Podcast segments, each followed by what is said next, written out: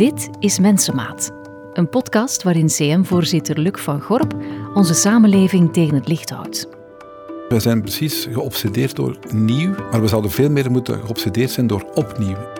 Wat draait goed en wat kan beter? Wij moeten absoluut weg van dat perfectiemodel. In zeven gesprekken tekent hij samen met zijn gasten een nieuwe toekomst uit. Het moet op een andere manier kunnen, eh, die veel meer bijdraagt tot, de, tot de, de veerkracht van mensen. Een toekomst op maat van mensen. Mijn naam is Eva Droogmans. Fijn dat je luistert.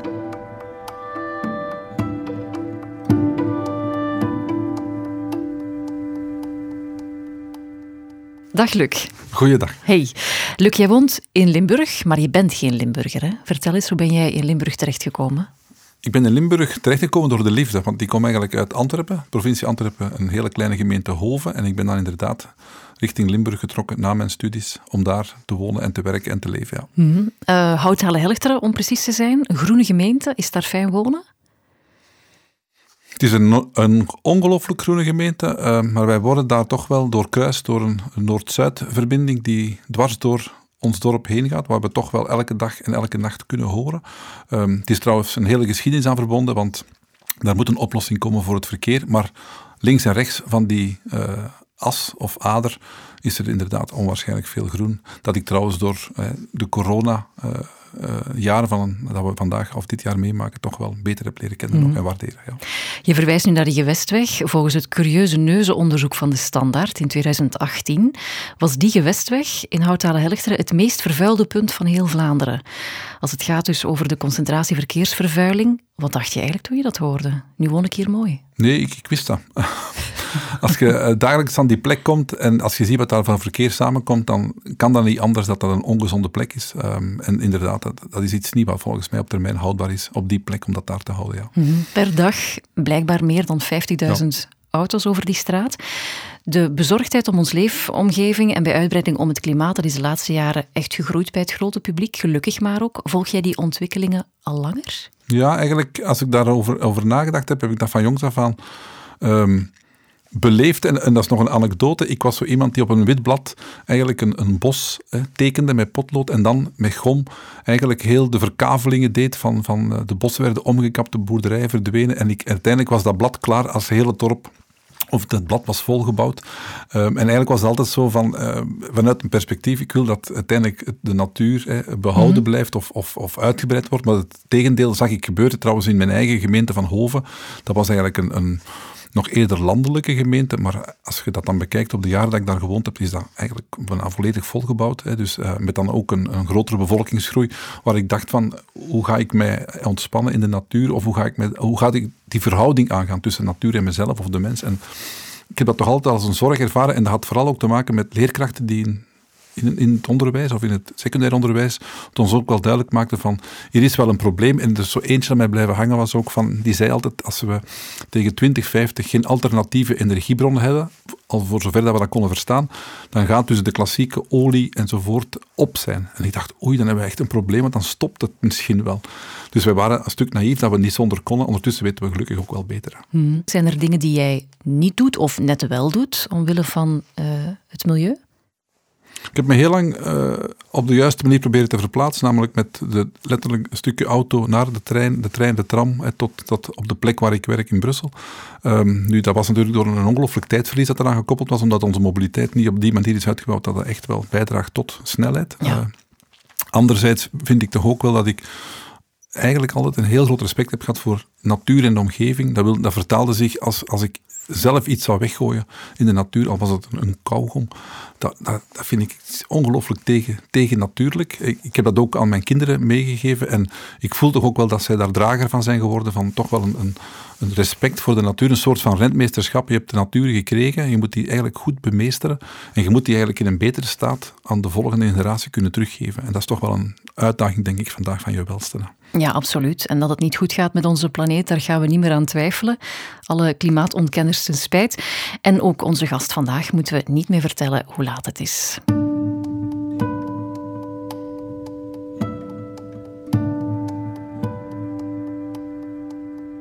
Injas Schops, welkom. Hey, hallo. Hey, uh, Luc, ik ga jou Injas laten voorstellen. Jas is inderdaad iemand die ik heb leren kennen als een onwaarschijnlijk gedreven iemand die mij toch ook wel um, heel snel geleerd heeft wat natuur betekent ten opzichte van de mens of de economische mens en hoe dat die relatie met elkaar er versterkt kan uitkomen. Het is iemand die met een, allee, met een internationale allee, uh, uitstraling uh, zijn verhaal kan vertellen op zo'n inspirerende manier dat je niet anders kan. Eén, van te luisteren. Twee, ook om samen te gaan zoeken hoe kunnen we elkaar vinden als bijvoorbeeld een gezondheidsfonds samen met natuur en milieu om daar de mens sterker te laten uitkomen.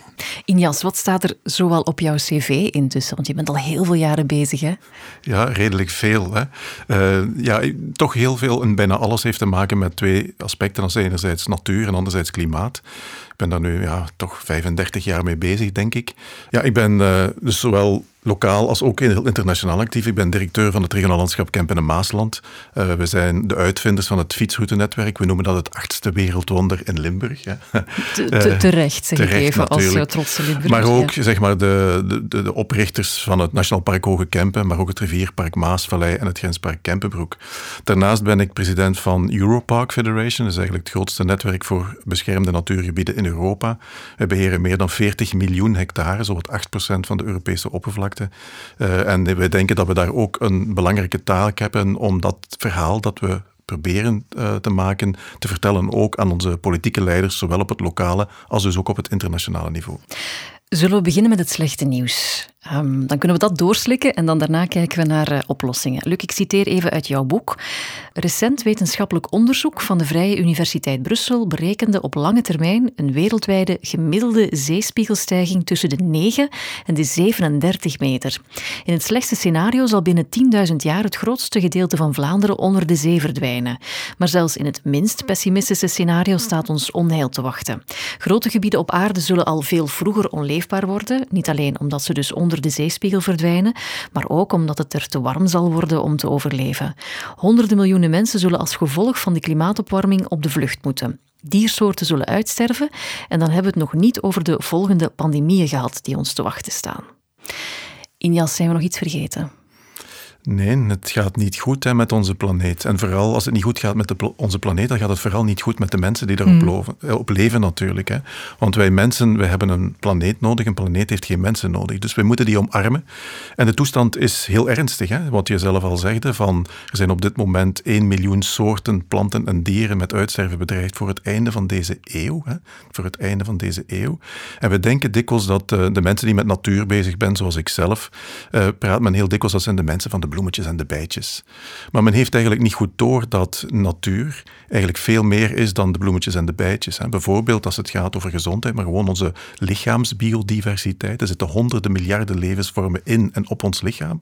En ook die zeg maar, lichaamsbiodiversiteit, die neemt even snel af dan elders, hè, de bloemetjes en de bijtjes. Denk iets verder na over bijvoorbeeld de bodembiodiversiteit. Dat is eigenlijk alles wat in de aarde zit, waar we onze patatten en onze tomaten laten groeien.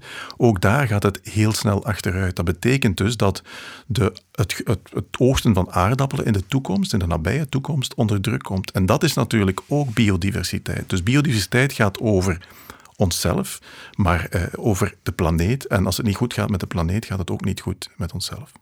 En hoe komt het dan dat we niet massaal in paniek slaan? Wel, uh, ik heb daar heel lang over nagedacht. Uh, dat gaat over oorzaak en gevolg. Hè. Wat we zien is dat bijvoorbeeld nu met de COVID-pandemie, de oorzaak en gevolg ligt kort bij elkaar. Je wordt, hè, je wordt eigenlijk geïnfecteerd en onmiddellijk ga je het ziekenhuis in. hopelijk niet natuurlijk, maar dat mhm. gebeurt vaak.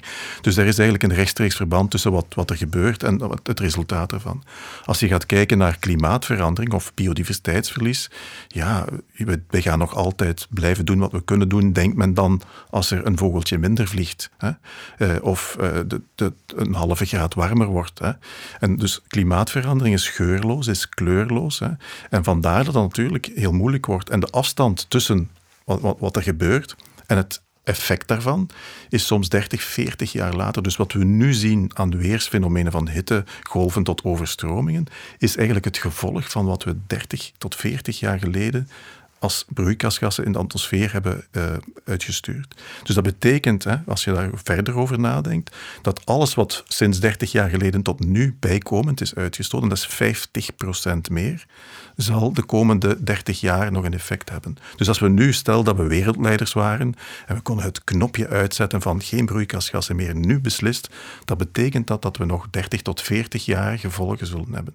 En die gevolgen zijn ernstig, hè. die zijn zeer ernstig, die gaan gevaarlijk zijn en die gaan zowel mensen als ook onze toekomstige generaties zwaar effecteren. Ja. Oké, ik ben een gewone burger, ik hoor jou dat zeggen. Eén, ik sla in paniek. En twee, ik denk, ik kan er niks aan veranderen, want wat we nu de komende dertig jaar nog gaan ervaren, hebben we eigenlijk al veroorzaakt. Dat is al gebeurd. Dus word ik apathisch en denk ik, we zullen wel zien.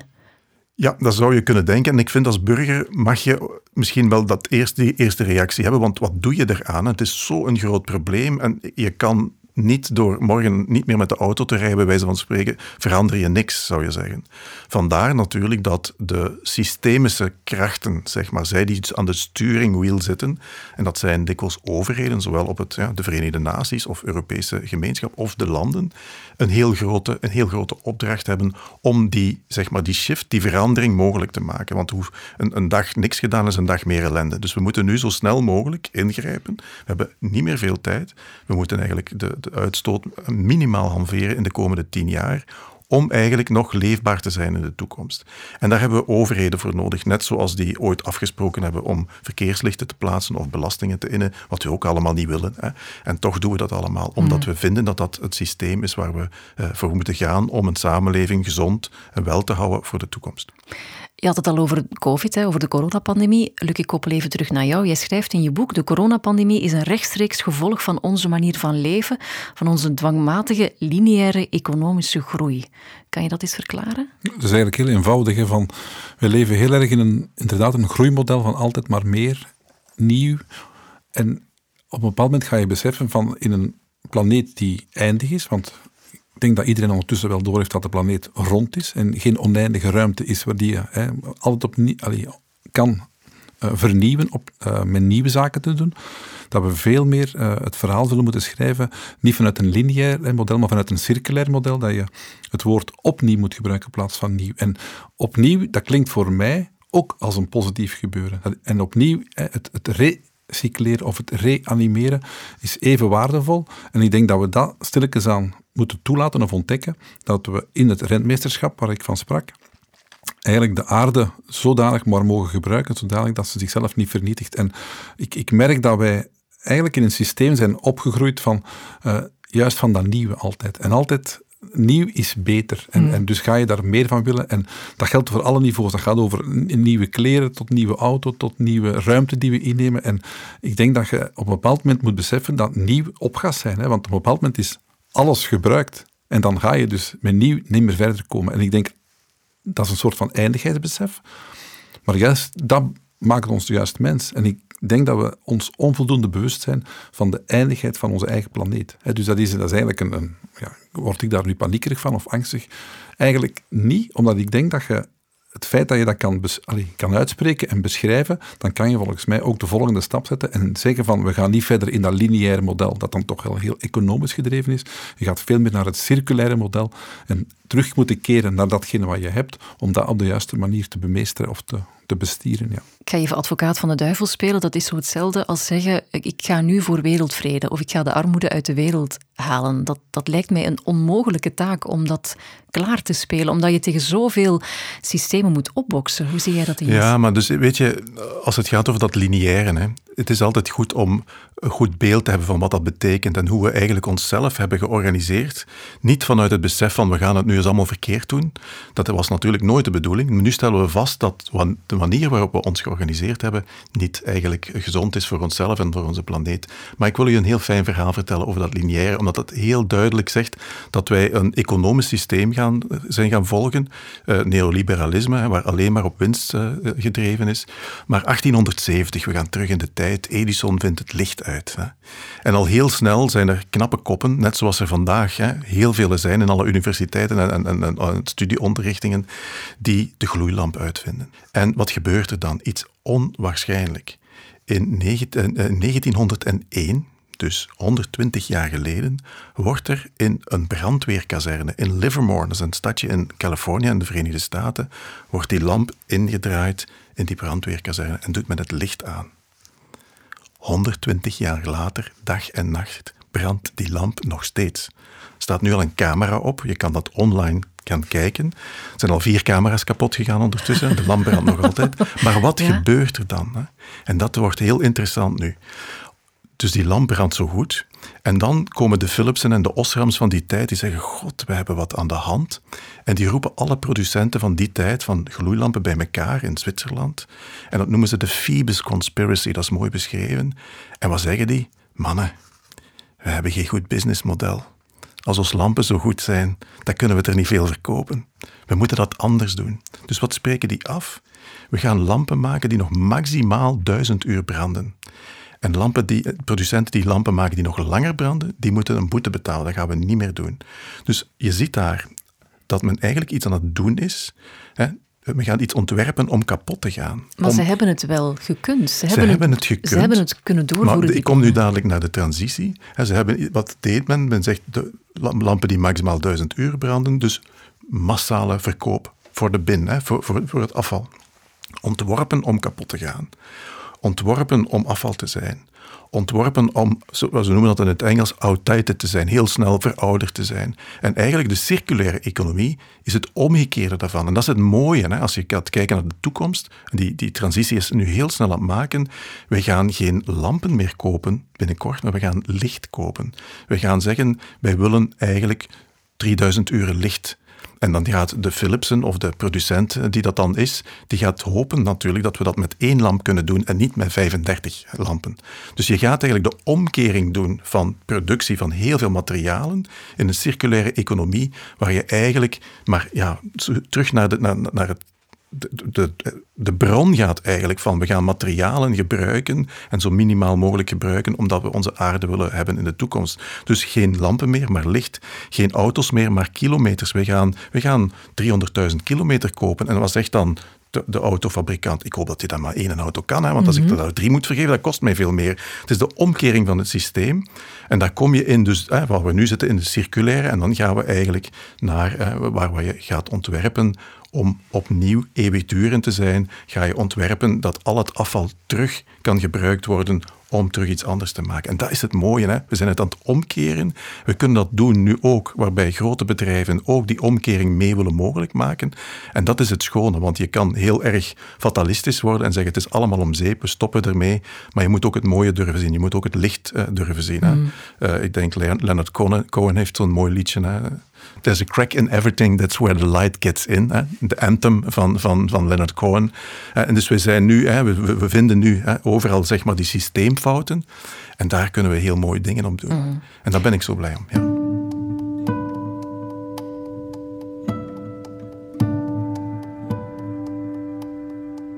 En welke grote partijen, Luc, of welke dwarsliggers hebben wij nodig om dat systeem te doen kantelen? Hoe zie jij dat?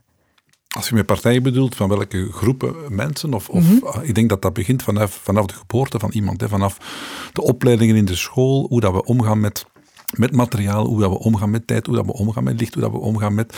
En dat vertaalt zich dan volgens mij in, in politieke partijen, dat, dat vertaalt zich in gezondheidsfondsen, dat vertaalt zich in onderneming, dat vertaalt zich in, in levenswijze. Dus ik, ik denk dat ik, ik ervaar toch wel een, een transitie-shift. Eh, en, en inderdaad, uh, omdat u aangeeft van er zijn nog klimaatontkenners. Ik denk dat inderdaad zo. Dat is volgens mij vanuit een, een verstaanbare weerstand. Van we gaan hier toch niet moeten veranderen. Maar uiteindelijk heeft volgens mij elke persoon wel door dat we iets moeten veranderen. En ik herhaal opnieuw, zo'n covid-crisis, waar bepaalde mensen dachten dat ze nooit deel zouden zijn van die crisis, die worden nu toch geconfronteerd door die crisis van oei, dat werkt precies niet meer gelijk dat ik dat gewoon was. Dus het dwingt ons wel om anders te kijken en te, en te werken um, en te denken.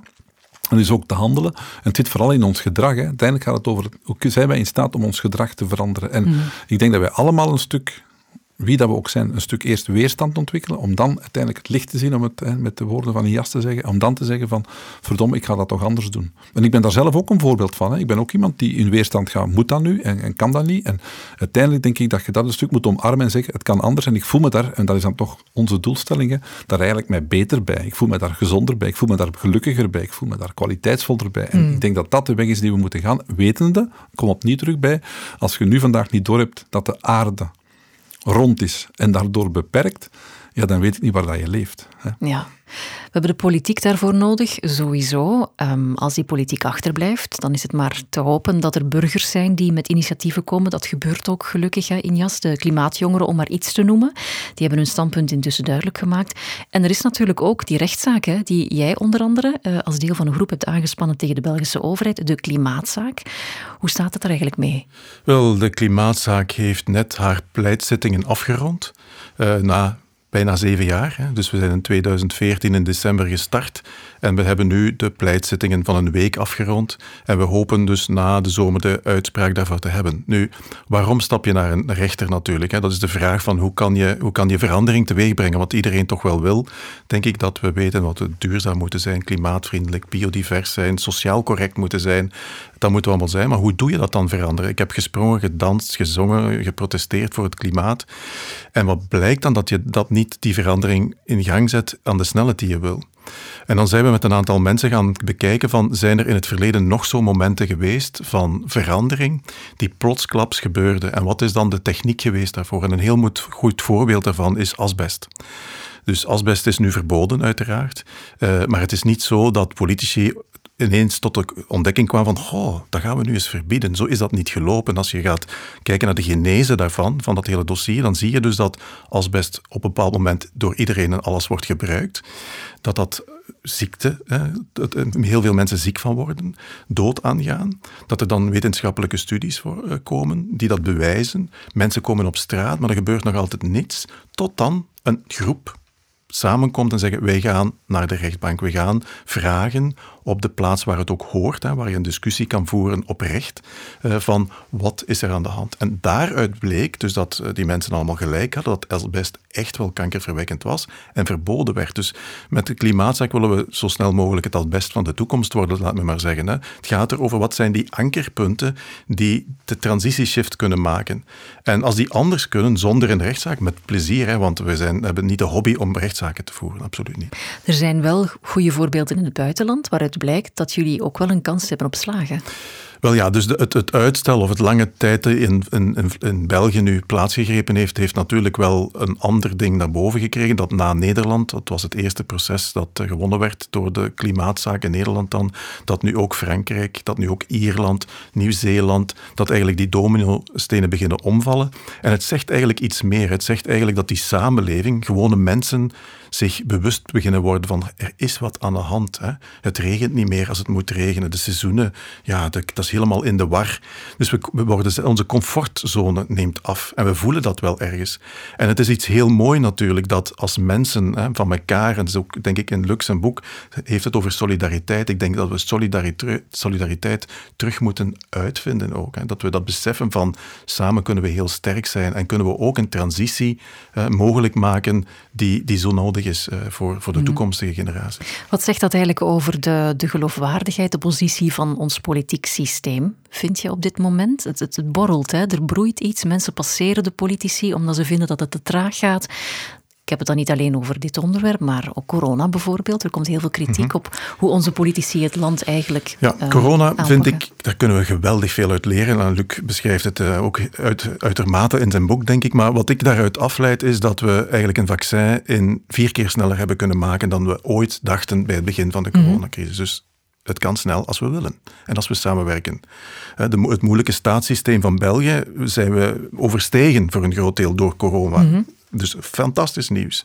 Uh, dus dat, is één ding. Twee natuurlijk, we zijn ons gedrag gaan aanpassen. Niemand had op voorhand gedacht dat mensen zouden luisteren om hun gedrag te gaan aanpassen omwille van een virusje dat je zelfs nog niet met een blote oog kan zien. En een derde, en een heel belangrijke voor mij natuurlijk, is dat de uh, besluitvormers, de politici, zich opnieuw zijn gaan baseren op de wetenschap om hun oordeel te vellen. En daar denk ik, en asbest dat, maar vertelt dat, klimaat vertelt dat, maar ook de biodiversiteitswetenschappers vertellen dat van, kijk, er is echt wat aan de hand, luister daarnaar.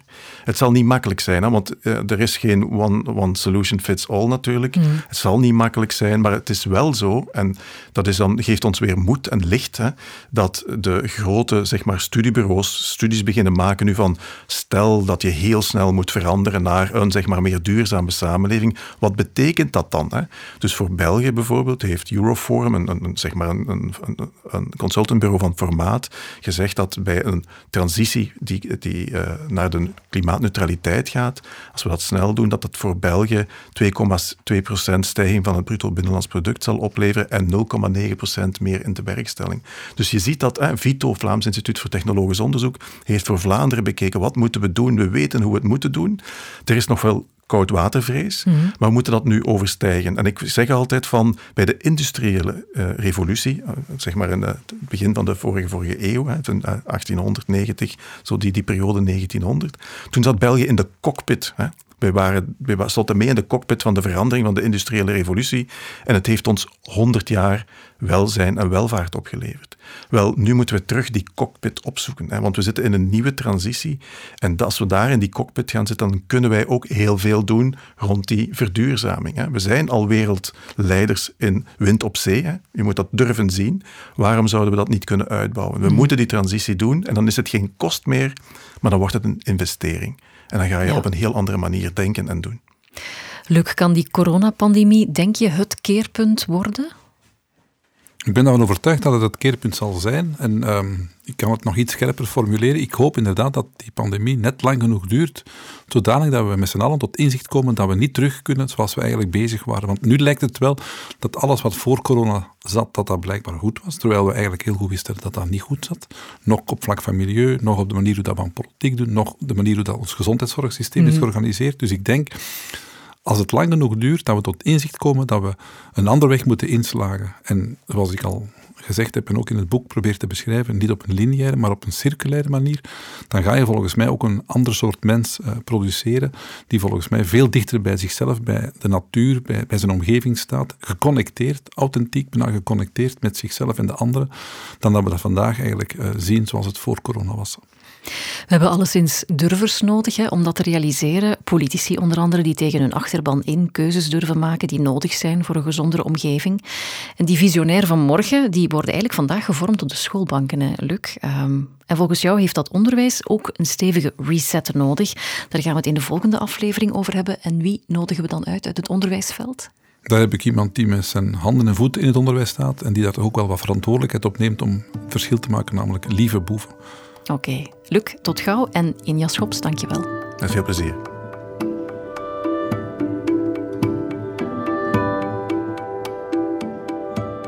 Deze podcast kwam tot stand in samenwerking met CM en uitgeverij Pelkmans. Luc schreef zijn gedachten ook neer in een boek. Mensenmaat, een pleidooi voor imperfectie. Meer info vind je op cm.be-mensenmaat en pelkmans.be.